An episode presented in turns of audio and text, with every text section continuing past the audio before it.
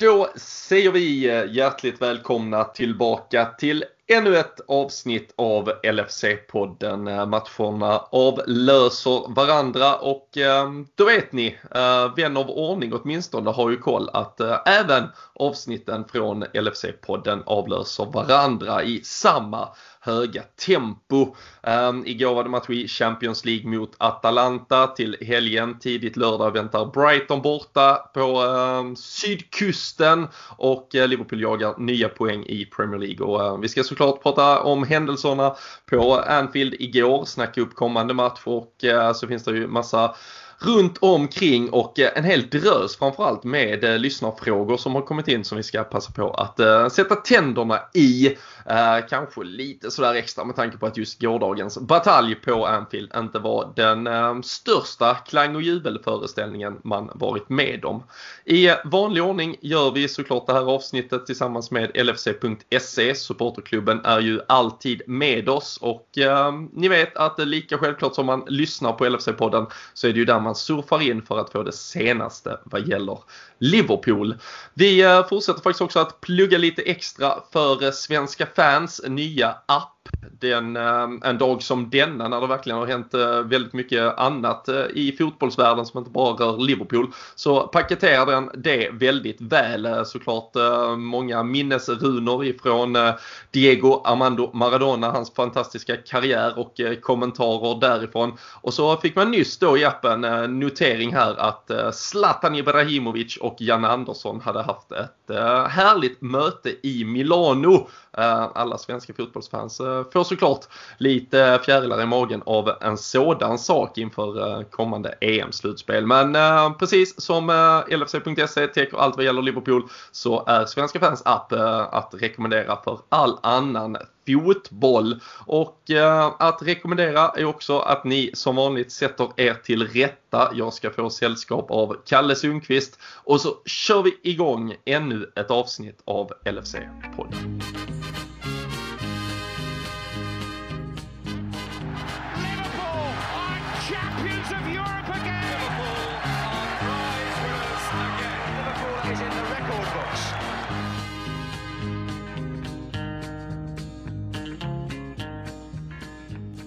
Jajamensan Kalle, det är eh, torsdag i detta hektiska schema. Det var match igår, match lördag tidigt som sagt och eh, det är fotbollsbombnyheter eh, eh, till höger och vänster vart man än vänder sig. Eh, hur är eh, läget med dig denna dag? Jo, tackar som frågar. Det är ju, det är ju ja, precis som du nämnde, det hektiskt på många sätt. Det är, man ska hinna med, precis som du har nämnt innan, mata igenom mycket i form av nyheter. Men det är ju matcher var och varannan dag. Det är poddar, det är annan typ av fotbolls och nyhetsmedia som ska insupas. Så att, ehm, ja, hade man inte haft ett jobb så hade man nog varit sysselsatt hela dagen ändå med att ta in all info som kommer i diverse kanaler. Så att, eh, nej, det är fullt upp. Hur är det själv?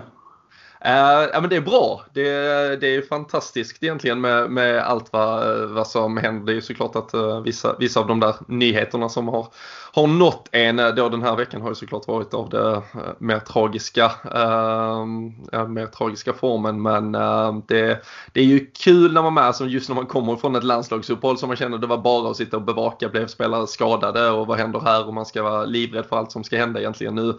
Det är ju en fotboll som Oavsett vad den då paketeras eh, i form av eh, just nu till stora delar tomma läktare, det ska vi prata om, så, så är det ändå en fotboll som man känner här under senhösten och nu framåt vintern liksom ändå berör. Det händer jävligt mycket som, som är väldigt intressant och, och det gör ju trots allt, det gör ju något i, i den här annars ganska, ja den, den är ju mörk rent, eh, ja, rent, rent, vad ska vi kalla det? Ja, ja, det är ju bokstavligt talat, ja, bokstavligt talat mörkt på många... Precis. Ja, så, äh, nej, nej, så, så fotbollen äh, den lyser upp just nu äh, på många sätt och vis tycker jag. Och jag tänkte på det nyss här när jag nämnde Zlatan Ibrahimovic och eh, ett eventuellt eh, e EM-slutspel 2021 eh, med honom. Du, jag och Jocke Lundberg stod ju faktiskt och såg vad som i det blev väl hans kanske näst sista, tredje sista landskamp. Vi står ju eh, Sverige-Irland i Paris tillsammans 2016 innan han checkade ut från eh, landslagsscenen. Uh, trodde man kanske inte att man uh, nästan fem år senare skulle snacka upp honom igen men uh, det, det, är bättre fysik på den gubben än vad det är på, på oss. Ja, eh, nu satt jag ju förra avsnittet här och, och hyllade oss men jag tror nog konkurrensen är ju inte den är inte stenhård om man jämför med, med den typen av nivå som de här killarna håller. Eh, men för att anknyta till det, det det är smått overkligt egentligen. Jag har väl personligen kanske räknat ut Zlatan på många sätt i landslaget. Mest från landslagets sida. Jag tror nog att det har funnits ett intresse från honom kanske. Eh, med lite små gliringar här och där att det skulle kunna finnas en öppning. Så att, att sitta och prata om det drygt fem år senare är ju lite märkligt att han fortfarande håller den extremt höga nivån. Det, ja, det är jävligt ja. imponerande. Ja, vi, vi ska väl inte fastna i någon eh, landslagsbubbla men precis som man liksom drömmer om eh, de där eh, fyllda pubbarna och upplevelserna på, på Anfield liksom så den här landslagssommaren, de är ju alltid fantastiska de där sommarna och just den hade vi tillsammans ett par dagar i Paris och eh, gatorna, Rodelapp kvällen innan eh, partyt där, det, eh, fan, det får en att minnas en tid som man jävlar i det längtar tillbaka till i alla fall. Oavsett om det är med en gul landslagströja eller en röd Liverpool-tröja på sig. Tider som kanske eh, närmar sig. Eh, absolut inte med några stormsteg. Men eh, vi kan ju faktiskt idag också Kalle konstatera att Liverpool när England lyfter sin nationella lockdown den 2 december kommer att eh, förflyttas då från, de har ju de här tre, ska vi säga klassifikationerna på eh, regioner utifrån smittoläge. Tire 1, 2, 3. 3 är ju där det är som högst smittspridning och tuffast restriktioner. Liverpool var ju faktiskt tidigt kanske, till och med tror till och med det var den första eh, staden som sattes i det. Det var väldigt tidig smittspridning i den här så kallade andra vågen här under hösten. Eh, men har ju då ehm, haft tiden på så sätt på sin sida för att få bukt på det. Jag tror det är sjätte raka veckan nu där det går åt rätt håll, positiva siffror därifrån. Och eh, när man då lyfter restriktionerna nästa vecka så är man alltså i Tire 2. Vilken faktiskt innebär att man får ha 2000 personer på publika utomhusevenemang där då fotbollsarenor eh, såklart eh, läggs till ordningen. Eh, kommer man ner ytterligare då i Tire 1 eh, där är faktiskt ingen stad med något Premier League-lag, faktiskt inte med något eh, proffslag överhuvudtaget som jag har förstått i alla fall. Eh, då kan man faktiskt ha upp till 4000 personer men, eh, men 2000 kommer vara bland annat London och där har vi ju ett eh, 5-6 eh, klubbar ifrån och så Brighton, Southampton något mer. Så det är drygt 10 lag eh, som kommer att eh, kunna nu från nästa helg ha 2000 personer på läktarna. För Liverpool skulle det betyda att Liverpool-Wolverhampton den 6 december blir första gången sedan mitten av mars uttåget mot Atletico som Anfield återigen kommer till liv är ju tufft att säga Kalle men eh, det kommer i alla fall faktiskt höras något annat än eh, bara bollstudsar. Det, det gör något med den. Jag vet inte riktigt vad än men det gör någonting med en. Jag tror att det gör väldigt mycket faktiskt. Framförallt att man ser se någon form av ljusning i det hela. Eh, alltså det, det känns som att idrotten har varit ett ganska tacksamt byte att gå emot i och med att det, det är ju, finns ju ganska starka kopplingar till, ja, som eh, det var Tegnell som sa att det får inte uppstå häng. Eh, och det gör det i allra högsta grad i samband med fotbollsmatcher med barhäng och liknande. Så att eh, det, det var varit ganska tacksamt byte att gå åt. Sen eh, jag personligen är ju absolut inte bevandrad i medicin. Men det känns som att det är många ja, många andra branscher och liksom tillställningar som borde också ha stoppats. Det bör inte vara någon jättestor risk för smittspridning om man sköter det rätt att ta in x antal tusen personer på en arena som ja, rymmer mer eller mindre tiodubbla. Så att det, för mig är det ett steg i, i rätt riktning och någon gång måste man ju fatta beslutet att det ska återgå till publik för att vi någon gång ska kunna komma tillbaka. Så att ju förr desto bättre så länge det sker under kontrollerade former i, tycker jag. Jag vet inte mm. vad, vad känner du själv kring, alltså du nämner ju att bara det blir lite ljud så kommer man ju lysa upp lite grann men hur är känslan annars generellt? och eh, det känns ju som det där lilla, lilla ljuset som eh, tänds borta i den här liksom långa och eh, otroligt mörka korridoren. Det är ju klart att vi, vi har de senaste veckorna fått vaccinnyheter eh, till höger och vänster och, det är klart att där ehm, liksom ställs eh, en dörr på glänt till, till en ny eh, normal eller åtminstone det nya normala kanske i framtiden och så vidare. Ehm, sen är det ju såklart så, så otroligt många parametrar när man är som vi då supportrar till ett, till ett utländskt lag och liksom med hur världen har förändrats och, och, många gånger ställts liksom på, på sin ände tycker jag. Eh, de här, vad är det, 7, 8, 9 månaderna som vi, vi har levt i, i den här pandemin så, så är det så svårt att börja bena ut var, vart framtiden egentligen kommer att föra oss. Eh, det är olika olika regeringar med olika eh, agendor, olika eh, visioner om vad som är viktigt eh, och om det är det nationella eller vill man se till, till den internationella eh, liksom, eh, samvaron som har man har försökt stärka så, så många år och så lång tid och så vet man inte riktigt var det kommer landa. Eh, för oss då som som normalt sett eh, i Englands fall är det dessutom en Brexit som står för dörren eh, och ska väl eh, liksom verkställas om bara en vecka eller två i stort sett. Och, Sen då eh, att man eh, ska försöka följa och försöka bena ut i vart detta kommer landa och det, det är ju klart att det är en viss då egoistisk del i det. Eh, man vill att det ska vara fyllda arenor och man vill ha möjligheten att komma dit igen. Men, men sen såklart som, som bara fotbollssupporter och att följa det från tv-soffan tills dess att man får komma tillbaka så är det ju klart att så nära ett, ett normalläge och att vi börjar ta steg. Det är ju, det är ju superviktigt. Och sen vet vi ju hur otroligt viktigt det är för klubbarna att, att få igång den här verksamheten. Det är ganska uppenbart att däremot 2000 personer snarare kostar mer än vad det smakar. Jag tror hade, hade de sagt att äh, 2000 är vad som gäller i liksom tre år framöver då hade, ingen, då hade klubbarna bara sagt att ja, då skiter vi i publik för det, det kostar. Alltså att, att organisera 2000 personer uh, och liksom upprätthålla säkerhet och alla protokoll runt omkring det. Det tror jag absolut inte är egentligen uh, någon, någon superbra affärsmodell uh, som någon tycker är hållbar. Men, men det är klart att alla ser den här möjligheten att okej, okay, vi visar vi tar in 2000, vi visar regeringen hur för det första att det sker med säkerhet. När vi ser de här tv-bilderna så kommer det ju se, det kommer ju eka tomt fortfarande. Eh, så det kommer ju nästan bli någon form av parodi att det liksom sitter 2000. Det, det gör varken från eller till. Och då får man ju hoppas att nästa steg då blir, ja, då blir det 4000 för alla och så blir det 5000 och så 7000 och 8000 och så, och så vidare.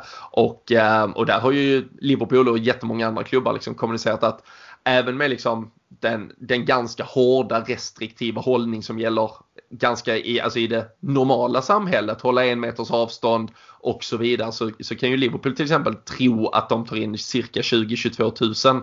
och eh, om, om detta är ett första steg på att vi ganska snart skulle kunna vara ditåt eh, då är det ju då är det ju ett jättesteg uh, och, uh, ja, men, och något steg är det och bara att det är något steg det är väl det som uh, det, det betyder ju någonting. Absolut. Uh, jag vet inte, det är återigen Wolverhampton på Anfield som får bli någon slags vändpunkt från ett stort nederlag till, till en början på någonting nytt. Vi var ju där uh, våren, uh, ja vad hade vi? Våren 19? Eller vad, mm. vad blev det? Sista hemmamatchen och förlorade ligan snöpligt. men ganska tätt därefter så hade vi kanske, ja ska vi säga en utav de bästa ja, dagarna i livet. Ja, jag skulle jag får säga en av de bättre dagarna i livet. Men det, den är där uppe i alla fall. Ja, så gick vi och vann Champions League där veckan senare. Så att eh, Liverpool Wolves får väl agera någon form av vändpunkt från eh, misär till eh, någonting ljusare. Så att vi får väl hoppas att det blir det i det här fallet också. Ja, nej, verkligen. Uh, gör allt som det ska i alla fall. Som sagt, eh, uh, 2000 personer på, uh, på läktarna uh, från Liverpool Wolverhampton nästa helg. Uh, jag, jag twittrade själv ut den informationen som fanns att uh, tillgå där med exakt vilka, vilka lag och städer och arenor som har, kommer att kunna ha fans, vilka som inte kommer att kunna ha det. Så kan man kika på om man vill göra det. Ehm, men jag vet inte om 2000 personer hade gjort skillnad igår, Kalle. Det var Liverpool-Atalanta, fjärde gruppspelsomgången i Champions League. Vi har ju eh, till förbannelse egentligen pratat om eh, det galna och tuffa spelschemat eh, här inför. Vi var inne på senast här hur Klopp liksom rasade i efterintervjun där mot Leicester.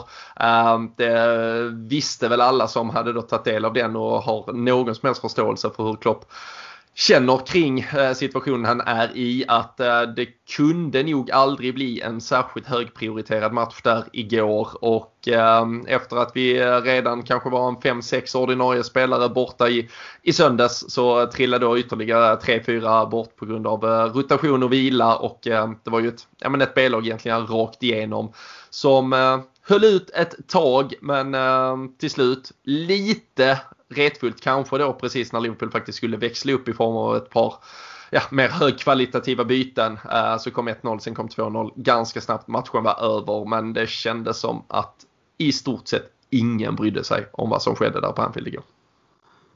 Nej, det var väl kanske den genomgående känslan från början till slut egentligen. Eh, alltså givetvis går alla spelare in i alla matcher för att vinna, men vissa matcher är ju viktigare än andra och den här kanske inte var den mest prioriterade matchen den här säsongen av förklarliga skäl egentligen. Det kommer tillbaka från ett landslagsuppehåll med en match i ligan tätt på så alltså spelschemat är ju jäkligt tajt just nu och vissa matcher kommer ju behöva anses som vara mindre viktiga än andra. Eh, givet situationen egentligen i tabellen i Champions League så ska man vara riktigt krass så gör inte det här någonting. Det är inte någonting som sticker hål på något form av avancemang och att folk hävdar att Liverpool alltid ska krångla till det lite. Det är väl lite stora ord att ta till. Eh, ja, och det tycker också, jag. Ja, och det, ligger, det, det blir någonstans att det ligger Liverpool då i fartet att man tog tre raka segrar de tre första där, där det var bortamöten mot liksom både Ajax och Atalanta. Det kanske om man säger på pappret ganska väntad. Det hade väl kanske annars varit att man hade kryssat båda de två och så däremot vunnit igår istället. Men då hade vi haft åtta poäng. Men då hade vi gjort liksom typ vad man ska göra. Nu har vi nio poäng, det är ju en poäng bättre men det anses då att vi har börjat schabbla till det. Eh, så, så jag tycker att diskussionen där som till viss del började föra liksom en par liksom som ville dra igång den uh, kring att Liverpool liksom nu återigen var så uh, naiva och nonchalanta och att det var så jävla dåligt. Så, tyckte ändå att majoriteten av uh, alla supportrar bara tog det för vad det var och liksom okej, okay, fine, vi förlorar, nu är den matchen borta. Det viktigaste den här veckan, det är att vi vinner mot Brighton på lördag och då får det kosta vad det kostar vill. Ja, men exakt. Och sen det jag vet inte om man är liksom eh, hård på något sätt. Men det känns även som att eh, det, man har väl varit och är i viss mån i den skaran själv. Men det är, det är en supporterskara som är ganska svår att tillfredsställa och alltid hålla nöjd. Eh, kanske framförallt efter, eftersom att vi har haft så stora framgångar de senaste åren. Och att en förlust hemma mot ett lag ja, som jag visserligen pratade ner lite grann innan bortamatchen kommer och egentligen gör gör en jävligt bra match egentligen. Mycket på grund av att Liverpool är ganska, ganska tafatt egentligen. Men det finns många bra spelare i det laget. Så att, eh, nej, i min värld så är det nog bara svälja. Vi kommer gå vidare i gruppen ändå. Troligtvis kommer vi kanske rent av vinna gruppen och det här kommer bara när man ser tillbaks på det så kommer det bara vara en liten plump i protokollet förhoppningsvis. Eh, prio ligger nu på Premier League för min del i alla fall. Mm. Nej, men jag, och jag är helt övertygad om att uh, det är så. Uh, alltså Liverpool vinner till slut Premier League efter, efter 30 års jävla väntan och uh, det blir på det sättet som, som det blir. vi fick inte Jordan Henderson för liksom lyfta pokalen inför ett tomt Anfield. Vi fick inte den eh, paraden genom stan. Vi fick inte den folkfesten så, som alla egentligen liksom hade gått och ruvat på och väntat på och eh, byggt upp inför med tanke på att det var så överlägset eh, som vi var i serieledning eh, redan tidigt där och, eh, och jag tror att denna säsongen när man ändå vet då hur jävla konstig den kommer vara eh, och sen har man fått dem ska, alltså jag tror Liverpool har varit så jävla inställd på att vi ska, vi ska vinna den här jävla ligan den här säsongen också för att liksom förhoppningsvis i alla fall ha, ha lite eh, större möjligheter att verkligen fira någonting eh, när den här säsongen går mot sitt slut, när en sommar eh, står för dörren och vi förhoppningsvis är någon lite annanstans eh, i det världsläge eh, som vi har befunnit oss i eh, så otroligt länge. Och, eh, och då kommer vi få offra vissa saker längs vägen.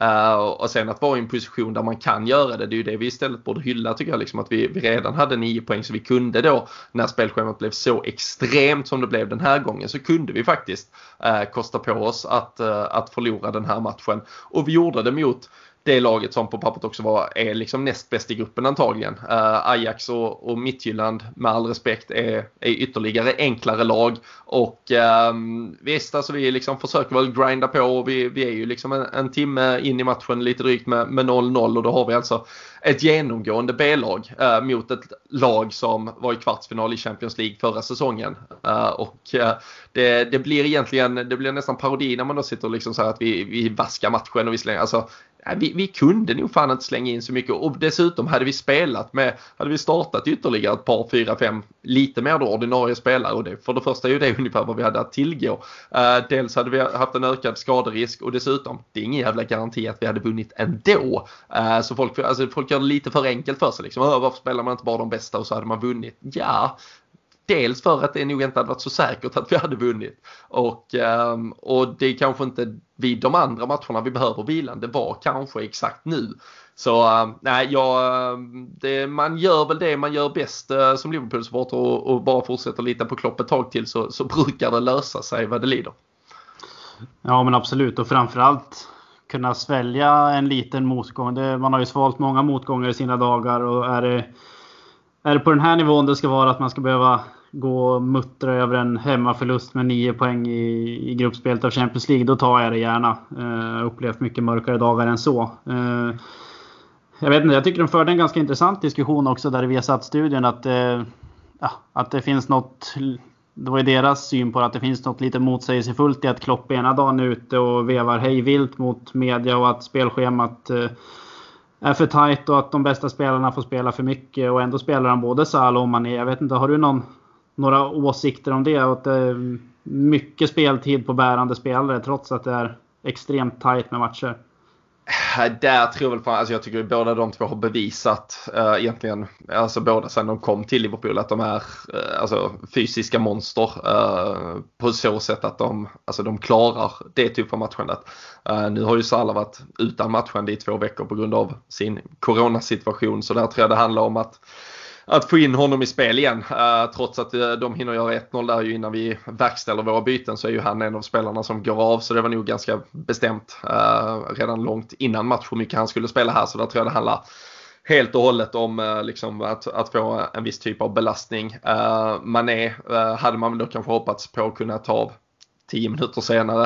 Uh, nu, nu blev det istället hela matchen, men han har ju visat att han, att han kan uh, spela hela tiden och uh, jag tycker också han har visat att han um, alltså, vill det själv.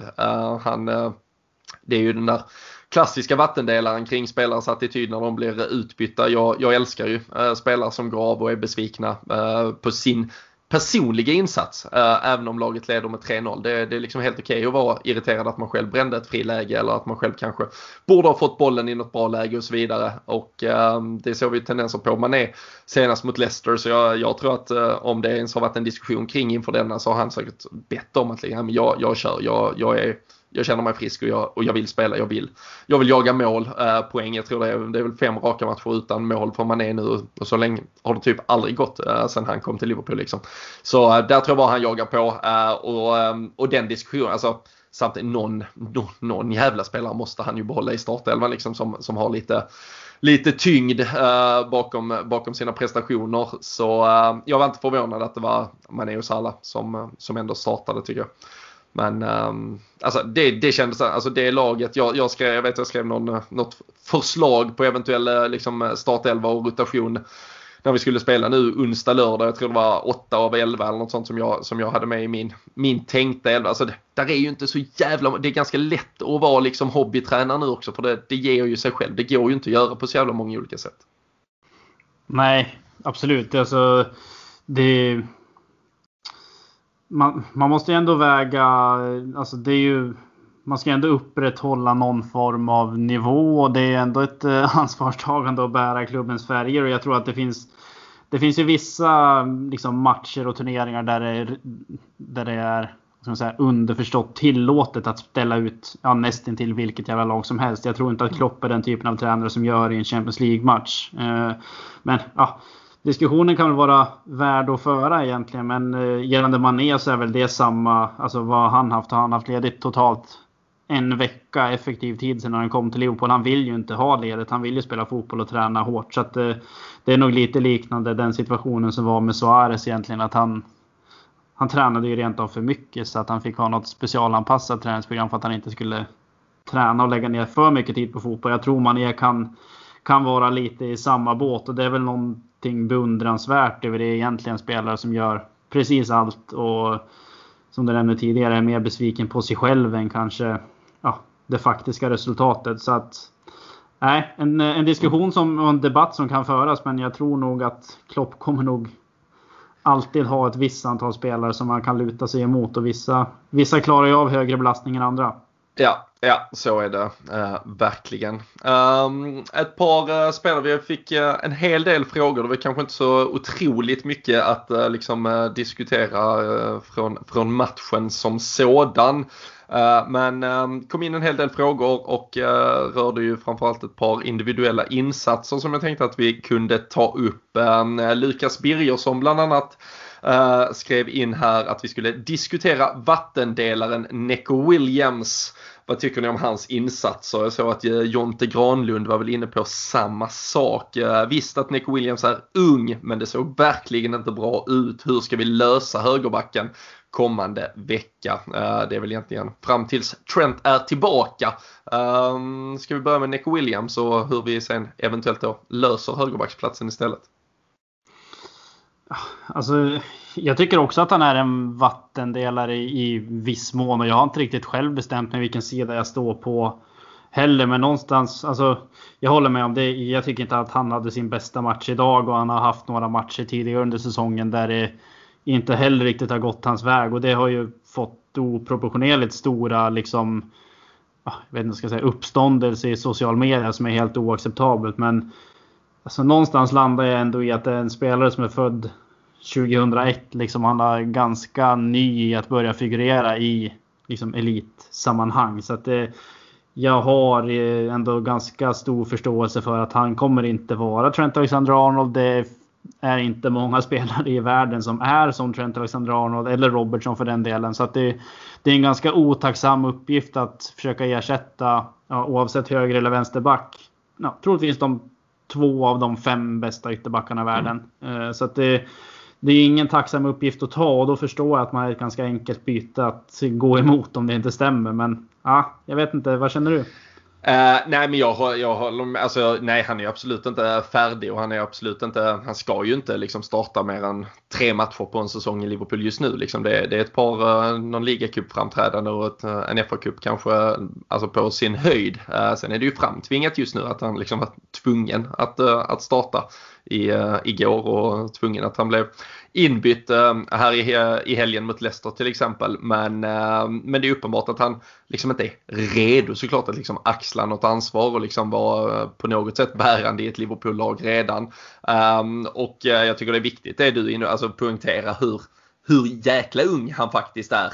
Ehm, det är ju alltid sådär liksom att när du gör dina första minuter så du, du bedöms alltid på det liksom. Ehm, men det är ofta att man glömmer bort vilka som är är de 17? Är de 18? Är de 19? Är de 20? Är de kanske rent av 22, 23? Alltså som en Nat Phillips som kommer in som man liksom då kan, åh han spelar så moget och sådär. Ja men det är ju för att han är det. Alltså han är ju lika gammal nästan som Joe Gomez. Typ. Alltså där, där har du en helt annan förväntansbild och så vidare. Och eh, här måste man komma ihåg hur, hur jäkla ung Neco Williams faktiskt är i sammanhanget. Uh, så alltså ge han tid och när han tvingas spela de här matcherna, ja ni vet lika väl som Klopp att han kommer, det är inte något vi vill, det är inte det som är tanken, det kommer inte vara det som är planen längre fram. Ta det för vad det är just de här matcherna. Låt han gnugga på i U23 när det behövs, låt han spela de där kuppmatcherna som finns. Och sen finns han där på bänken, han hoppade in mot Leicester senast och det, det funkade helt okej okay i en kvart, 20 minuter och det kommer det väl göra vid ett par tillfällen när det behövs liksom. Men det är ju inte någon vi kommer lita till nu och är Trent borta ett par veckor till då är jag rätt så övertygad om att det kommer vara James Milner som kommer starta 90% eller spela till och med 90% av den tiden på den där högerbacksplatsen tills dess att Trent är tillbaka. Så eh, alltså, onödigt mycket diskussion kring Nico Williams när man nog bara sa jaha, han fick spela för att det behövdes. Det var okej, okay, inte mer. Han kommer inte spela när det verkligen brinner till, helt enkelt. Nej, alltså så är det ju. Så att det, man får väl... Det är ju... Även fast det... Idag det går ganska snabbt från att en spelare kommer in och gör sin första match till att det finns någon form av förväntansbild att de ska vara en ordinarie och en etablerad spelare i Premier League. Och det, det är inte så lätt som man tror att det är. Liksom. Det kan väl vara fördelen med med tidigare generationer att det tog betydligt längre tid innan de blev liksom bedömd på den absolut största scenen. Nu, nu räcker det med ett Twitterinlägg eller något, eh, någon video kort från någon U21-match liksom så här om det nästa big thing. Och jag vet inte om han är det, men han är absolut i början av sin Liverpool-karriär och är på väg in. Eh, men man kanske kan börja diskutera någon som ah, det förs en debatt om vissa är på väg ut. Origi är väl en äh, återkommande figur i den diskussionen. Jag vet inte. Jag ser, ja, ser av det... frågorna där också att Stellan Segerstein frågar om Origi. Ah, han såg ja. väldigt ointressant ut. Liverpool-karriären är över. Och det, det är väl en diskussion som man också kan föra. Ja, verkligen. Ja, det, var ju, det var väl nog det eh, mest eh, nämnda kanske i trådarna. Petter Kalin undrade där att eh, någon sa att Origi startade matchen igår. Det kan väl inte stämma. Jag såg det inte till honom i alla fall. Och det var väl ytterligare ett ett par stycken, några lite hårdare i tonen kring hur hur jävla dålig är Origi? Eh, till exempel från Andreas Hjelm. Men eh, det känns ju som det är något vi har eh, snurrat några varv kring den senaste tiden. vi, vet, vi vet alla vilka minnen han var med och skapade under för fjol framförallt med Everton, Barcelona, mål i Champions League-finalen och, och så mycket mer som det egentligen var där under ett halvårs tid. Men men nog tusan är det dags för han att vandra vidare eh, någon annanstans. Ja, det är väl den spontana tanken. Och den, alltså, den känslan har ju funnits ganska länge. Men sen har han nog mirakulöst nog lyckats klamra sig fast genom att han har gjort de sakerna han har gjort. Han har ja, han var ju högst bidragande i, i Barcelona-matchen till exempel. Han avgör Champions League-finalen. Det är många andra ganska viktiga matcher där han har varit tungan på vågen. Liksom. Och jag tror att det har varit... Det kan vara de enskilt enda anledningarna till att han är kvar i klubben. För att han har varit... Ja, det har känts moraliskt fel att skicka ut honom genom bakdörren när han har skapat den historia han... Eller han har varit en del av att skapa en eh, extremt fin historia. Men... Eh, nej, jag tror nog också att det är dags för honom att, att vandra vidare till andra jaktmarker, precis som du nämner. Så att eh, det ska bli spännande att se vad som händer med honom. Mm. Det kan ju vara att han får fart på någon annanstans eller helt försvinner ut i periferin och blir någon Jibril CC-variant och står och rockar på Ibiza när man nu får göra det igen. Så det, jag hade, ja. jag, hade betalat, jag kan säga jag hade betalat dyrt för en uh, biljett till ett gig där Origi och Cissé står och snurrar plattor på Ibiza i alla fall. Det ja. kan, kan visserligen vara det sista man gör i livet också, men jag är beredd att ändå betala dyrt för det. Känner. Jag gör i sällskap i så fall. Ja, det låter bra. Uh, på, på ämnet uh, delvis kanske, men, uh, men också för att ta oss vidare till ytterligare ett frågetecken. Daniel Jonsson har svårt att förstå uttagningen av Origi kan vi väl konstatera att vi också hade. Men eh, framförallt då att det var före Minamino. Eh, varför får Minamino så lite speltid? Eh, kom in och fick ett sånt här riktigt dystert deppigt byte sista typ sju minuterna när dessutom hela laget var utcheckat. Och han får ju inte riktig svung på karriären här i Liverpool och såklart lite, ah, jag ska väl inte säga att det är liksom jobbigt och störigt. Jag tror de är tillräckligt mycket lagkamrater för att eh, inte tänka så allt för mycket. Men eh, däremot så kommer då en Diogo Jota in eh, och kör ju om i vänsterfil och gör ju succé direkt. Medan Minamino eh, fortfarande eh, krigar på eh, med att försöka liksom eh, kämpa sig till och hitta någon roll i det här Liverpool-laget. Ja, det är alltså det är ju smått frustrerande, inte minst för honom givetvis. Men det, det kändes ändå lite som att i inledningen av den här säsongen och efter en sommar, eh, ja visserligen ganska kort sommar nu då, men under ett uppehåll som har varit under det här året. Att han, det kändes som att han hade byggt på sig lite grann och skulle vara lite på gång. Det var min personliga känsla i alla fall och förhoppning.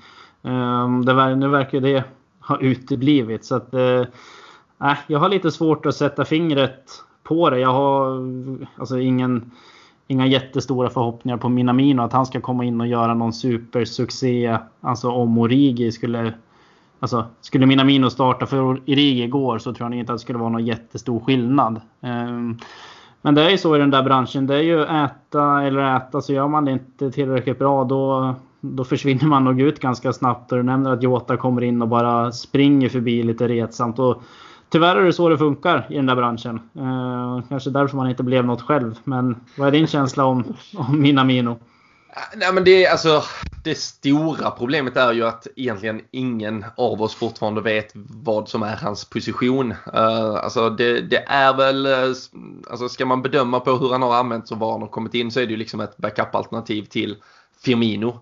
Och eh, då var ju liksom diskussionen, det var ju så sent som för bara några veckor sedan liksom, eh, är det dags att, att bänka Firmino? Men eh, då var det just liksom, då kom ju Jota springande. Och jag tror ju också att med Minaminos då insatser som enda liksom vågskål mot Firmino, då tror jag att den diskussionen hade varit ganska mer tystlåten för då tror jag inte att någon hade tyckt det var läge att liksom göra det bytet. Då hade man nog accepterat Firmino med de insatserna han, han hade där under en period när, när folk kanske menade att man borde kunna förvänta sig mer. Uh, men uh, alltså det, det är ju jäkligt svårt att att se vad, eh, vad det ska bli av honom fortfarande. Och uh, det, det, liksom, det är väl det problemet vi vi har diskuterat. Nu är ju Diogo Jota då liksom eh, undantaget som bekräftar regeln men vi har ju pratat så länge om att, att, att vara ett alternativ till den där fronttrion det är det är, det är fan inget roligt jobb. Alltså det, det är liksom, eh, du sitter, du sitter där bakom och väntar men det är inte ofta du behövs. För det första så är de i stort sett alltid tillgängliga. De vill spela, de jagar liksom mål och liksom vill prestera. Uh, Firmino är liksom den mest använda av Klopp sen han kom till klubben. Vi vet vilka liksom, kvaliteter Salah och Mané har. Så, så att gnugga på där bak och då är ju Minamino med tanke på han är ju liksom mer en en lag, alltså Origi när han då kom in och gjorde de här sanslösa inhoppen, de här målen. Det, det är ju för att han ändå han har ju ändå den här det oförutsägbara i sig. Däremot så ser vi varje gång han behöver vara en del av liksom laget och starta en match och spela 90 minuter. Det, det funkar ju inte, han är ju inte i synk med övriga. Något som jag absolut kan säga Minamino vara. Men, men han är inte tillräckligt bra för att ta den där startplatsen och att slänga in honom sista tio så har han inte riktigt den uspen och liksom den målfarlighet. Alltså, jag vet inte riktigt vad han ska göra i det där inhoppet. Um, så det är väl snarare, skulle det bli aktuellt att vid något annat tillfälle liksom spela en 4-2-3-1, en nummer 10-roll. Alltså möjligheter och chanser kommer han ju få den här säsongen men det är svårt att se han liksom få Ja, det är svårt att se han liksom starta tre raka matcher den här säsongen. Då ska det ha hänt något jävligt märkligt på skadefronten tror jag. Ska LFC-podden rent av vara de som börjar driva tesen om att Minamino enda enbart var ett affärsmässigt genidrag av att etablera ett stort intresse i Asien till en billig peng. Eh, ta ja, lite marknadsandelar och sen börja ja, kränga, ja. På, kränga på hans namn. Ja, uh, missräkning där att det är svårt att få till en Asien-turné på ett tag kanske. Men, uh, nej, men framförallt så var det ju en affär som var för, för bra för att tacka nej till. Det var ju så lite pengar så, så vad vi än gör, om det är nästa sommar eller nästa sommar igen med Minamino och vart hans framtid än ligger uh, lite längre fram så, så kommer vi ha tjänat uh, bra med pengar uh, på den affären är jag rätt säker på. Så ehm, det var ju för bra för att tacka nej. Och uh, han, han kommer ju säkert liksom, han kommer göra sina matcher och göra sina inhopp men, men han har inte riktigt en en USP på det sättet tycker jag som, som gör honom så, så het liksom. Och, eh, och på så sätt så blir det Ah, det blir svårt. Däremot som igår, jag hade ju startat honom absolut före Origi. Det tycker jag är ett märkligt val. Men eh, det, jag vet inte om det har med någon hierarki att göra att Origi ändå ska, ska få sina minuter eller matcher. Kanske finns något han eh, i något svagt eh, ögonblick lyckats lova honom där när han passade på att skriva nytt kontrakt när han var som, som allra hetast. Men eh, äh, han äh, Origi, där är det är over and out där och äh, Minamino får vi hoppas kan gaska upp sig lite och äh, försöka inspireras av äh, Diogo Jotas entré uh, istället för att uh, låta sig nedslås så att han kan bygga vidare på det. Men eh, uh, 2-0 förlust var ett faktum.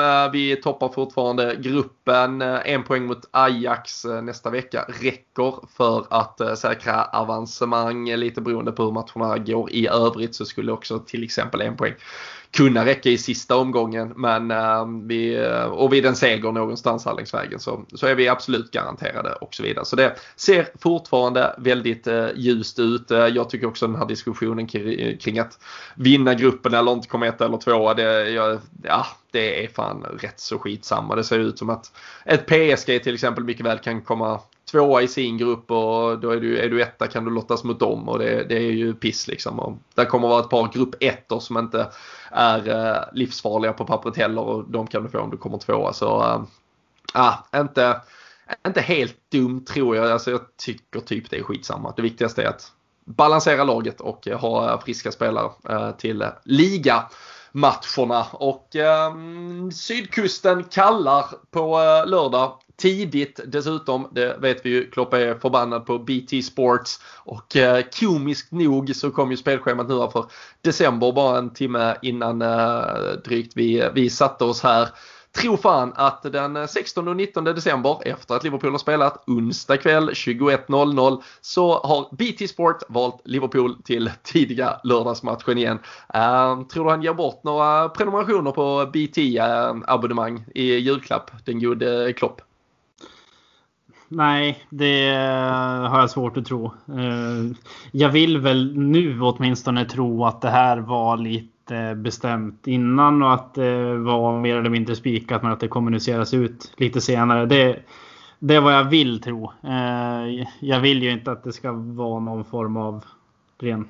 Alltså, det är ingen hemlighet vad Klopp tycker. Han är ju absolut inte ensam om att föra, föra den debatten. Sen, sen håller jag med honom personligen också att det finns alla organisationer och institutioner i världen har liksom anpassat sig efter det här. Men det, det verkar inte finnas något jättestort intresse kring det från, ja, från eh, media och, och alltså, tv-kanalsidorna. Sen Precis. förstår jag också att de, ja, de är väl kanske den enskilt största orsaken till att Premier League är det de är rent ekonomiskt och det får man ju ha respekt för. Eh, att de pumpar in extremt mycket pengar i klubbarna men lite, alltså lite anpassningsförmåga bör man kunna visa upp utan att ha någon form av insikt i hur det funkar och när saker och ting bestäms. Men det är klart att det, det är inte optimalt. Det, det förstår ju vem som helst.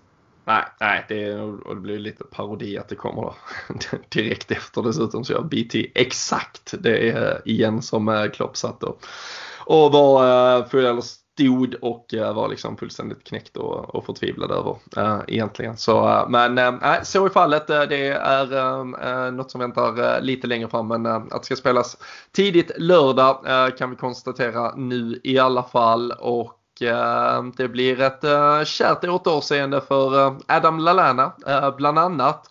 Och eh, extra glädjande är ju att hans eh, gode kamrat och eh, Karl Sundqvists eh, största husgud Jordan Henderson dessutom eh, verkar vara frisk. Eh, syns på träningsbilderna som kom ut från Kirkby här under torsdagskvällen och eh, det är väl få saker man hellre ser än Jordan Henderson leda ut laget på Amex Stadium på lördag. Ja, jag gillar ju alltid tanken och synen av det, men det, det, ska väl sägas i dagens läge och så som liksom truppen ser ut med rådande skadeläge så är det ju kanske mer välkommet, välkommet än på väldigt länge att det, det finns flera alternativ. För att det är inte bara en brand som ska släckas på olika positioner. Liksom. Så att, det, det är klart att det är jäkligt välkommet och det kommer nog bli ett litet moment när Lalana liksom återser. Man har ju sett mycket fina bilder och mycket kommentarer när Danny Ings kom tillbaka till Anfield till exempel. Jag tror det kan bli lite liknande med Lalana. De är nog liknande typ av person tror jag som är väldigt uppskattade internt i klubben. Så att eh, nej, det kan nog bli spännande. Ja, ja, verkligen. Han eh, noterar ju sin första eh, poäng här senast. De slog ju Aston Villa i helgen. Då fick han ju en assist till eh, gamla United-anfallaren Danny Welbeck. Eh, så noterar jag att han fyllde 30 år idag. Eh, känner man sig extra gammal igen. Känns som han har varit med i all evighet och han var tydligen ändå yngre än en. Det var lite knäckande. Men eh, Adam Lallana i alla fall som, eh, som vi såklart unnar en fin karriär. Det var ju, han gick ut skadad i första omgången och känner mig bara nej du ska alltså, det kommer gå åt helvete för det här också. Men har faktiskt kommit igång spelat rätt så många matcher. Det var ju en, uh, var typ tvåårsperiod i Liverpool när han inte gjorde en 90 minuters match. Så bara att han är tillbaka och spelar fotboll, det unnar vi honom såklart. Men eh, vi hoppas ju ändå att eh, Liverpool såklart är eh, ja, men storleken större till helgen. Och vi var ju där i, i somras och vann i den här coronafotbollen. Det har varit lite varierade resultat. Det var någon väldigt tajt 1-0 seger för något år sedan. Sen var det en 5-1 när vi spelade den här galna backlinjen med Gini Wijnaldum bland annat och jag laborerade fullständigt. Men eh, vad har vi för känsla kring eh, ja, lördagens match och eh, vad tror vi kring ett eventuellt Liverpool-lag som ska åka ner och lösa tre pinnar? Alltså känslan eh, generellt är väl alltså, alltid positiv egentligen. Jag tycker för mig är Brighton ett lag som är ganska svår att greppa vart man har dem någonstans. Jag tycker sällan att det slår några större blixtar kring dem liksom på det sättet. Så att, eh, det finns ingen underliggande oro inför mötet. Men det, det är klart att vi kommer få se ett helt annat lag än vad vi fick se igår. Robertson är väl tillbaka med största sannolikhet från start. Eh, och förhoppningsvis kanske Matip och eh, Fabinho eh, bildar mittbackspar. Eh, så att, eh, jag vet inte. Neco Williams kommer väl inte starta i och med att han inte har någon framtid i Liverpool. Så att det blir väl Milner kanske som är högerback då. Ja, men jag, jag, är, jag är rätt så säker på att det blir defensivt blir det den eh, alltså starters femman som vi såg mot, eh, mot Leicester. Och um, offensivt så, eller framåt om vi tänker mittfält och framåt, Uh, baserat på det vi uh, kan uh, utgå från just nu egentligen det är väl att samma spelare som senast med, med då tillägget Jordan Henderson finns, finns tillgängliga. Och sen så har ju då Curtis Jones nu startat två raka matcher här vilket gör att jag tror att han inte är aktuell för att starta ytterligare en tredje. Så min min tanke, min förhoppning är väl eh, faktiskt att det blir ett eh, tvåmanna mittfält eh, balanserat då med Jordan Henderson och Gino Wijnaldum och sen så blir det alla eh, de fyra eh, flamboyanta offensiva pjäserna i form av Jota, Salah, Mané och Firmino. Um, något att sätta emot det förslaget till startelva eller om nu ingen annan blir akutfrisk, till exempel Thiago, eh, är det det bästa vi har att tillgå kanske? Ja, det vattnas ju lite grann i munnen över den eh, offensiva tyngden. Så att eh, nej, inga motsättningar alls mot den elvan egentligen. Och det, alltså, Brighton känns väl som ett lag som vi kommer ha extremt mycket bollinnehav mot. De kommer ju troligtvis inte vara de som ligger på oss i 90 minuter utan Liverpool kommer ju få få föra spelet. Så att det kommer nog inte finnas av någon defensiv aspekt någon eh, större behov tror jag av att ha fler än två liksom renodlade mittfältare om man ska säga. Så att det, det känns ganska rimligt att man håller en offensiv tyngd. Eh, och det är väl fyra stek, ja, jag ska inte säga stekheta, men eh, väldigt heta ja. alternativ framåt. Så att nej, det, det tycker jag vi nästan klubbar. Mm. Ja, men det, det, är väl så jag tror baserat på de spelarna som finns tillgängliga just nu eh, så, så känns det väl som det ganska givna valet. Uh, kan ju konstatera att även då Tarek Lamptey, ehm, ytter, eh, ytterbacken eh, som eh, väl i stort sett, ja, han sköter egentligen hela högerkanten i, i det där Brighton-laget och har varit väldigt, väldigt bra här under säsongsinledningen. Han är ju avstängd, han fick ett rött kort senast så det ger ju också Robertson kanske lite ehm, extra möjligheter att pulsera på där i, i ensam majestät på den kanten. Det, det lär han väl inte ha något emot. Så nej men ett Liverpool, alltså det, man, man konstaterar ju alltså får vi bara ihop den här elvan så är det ju såklart det är ju fantastiska spelare. Då är vi, vi såklart eh, superfavoriter att, att vinna igen. Det, det är lite klippa klistra men, eh, men det är också sjukt när man när man inser till exempel nu så när eh, Fifa presenterar ju sina liksom, eh, bästa spelare här eh, till Fifa-galan. Det bäst som de ska utse. Liksom, där fanns Thiago, där fanns en van Dijk. Det spelar vi nu är, är utan. Som liksom, det är den typen av spelare vi saknar men ändå så är det ju ett jävla starkt lag vi, vi ställer upp. Det, den här en gång i tiden diskussionen kring den tunna truppbredden. Ehm, även om man fortfarande ibland slås av liksom att man önskar man hade ytterligare alternativ. Eh, det börjar ändå jag tycker ändå verkligen man måste lyfta vilken, vilken kvalitet det finns även på gubbe 13, 14, 15, 16, 17 i, i det här Liverpool-laget numera. Ja, alltså ska man vara krass, man behöver inte gå tillbaks jättemånga år egentligen till de spelarna som du nämner liksom i rangordningen. Det hade varit varje, alla dagar i veckan givna spelare i en startelva. Liksom. Vi behöver inte gå jättelångt tillbaka. Så att den resan som vi har gjort, eh, det, det är ju beundransvärt egentligen. Eh, det, man kan inte säga någonting annat. Och den extrema kvalitet som finns på, på så många positioner. Det är ju, ja, det hade, man, hade du frågat mig för ja, vad ska man säga, sex år sedan om du trodde att vi skulle ha x antal kandidater till till mm. det du precis nämnde och att vi skulle ha världens bästa tränare i mina ögon färgad givetvis så hade man ju absolut inte trott på det. Så att det är ju utan några jättestora liksom alltså något jättestort investeringsprojekt som många klubbar ändå har vänt skutan från att vara en,